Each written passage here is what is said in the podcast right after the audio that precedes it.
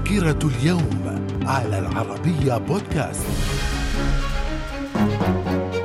أهلا بكم ومن ذاكرة اليوم الرابع والعشرين من مارس في العام 809 أبو عبد الله محمد الأمين يتولى الخلافة بعد وفاة والده الخليفة هارون الرشيد. في العام 1401 شاه المغول الأتراك تيمور لنك يغزو دمشق. في العام 1603 جيمس السادس ملك إسكتلندا يصبح جيمس الأول ملك إنجلترا بعد وفاة الملكة إليزابيث الأولى. في العام 1837 كندا تمنح مواطنيها الأفارقة حق التصويت. من الذاكرة. ومن ذاكرة الرابع والعشرين من مارس في العام 1882 المكتشف الألماني روبرت كوخ يكتشف الميكروب المسبب لمرض السل. في العام 1907 الجيش الفرنسي بقيادة الجنرال ليوطي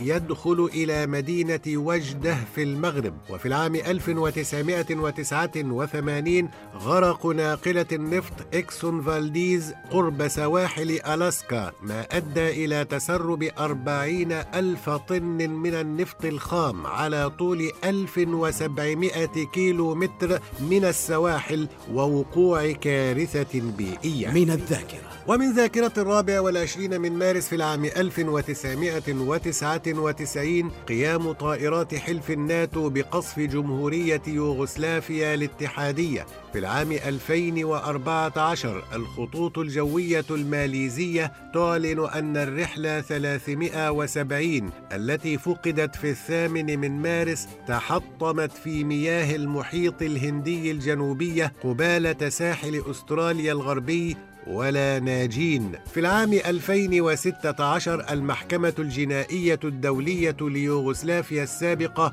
تحكم على الجنرال رادوفان كاراديتش أربعين سنة سجنا بتهمة القيام بإبادة جماعية أثناء حروب يوغوسلافيا. من الذاكرة. ومن مواليد الرابع والعشرين من مارس في العام 1930 ستيف ماكوين الممثل الأمريكي وفي العام 1948 ولدت الممثلة المصرية نادية الجندي. من الذاكرة. وفي مثل هذا اليوم الرابع والعشرين من مارس من كل عام يحتفل باليوم العالمي لمرض السل. من الذاكرة. إلى اللقاء.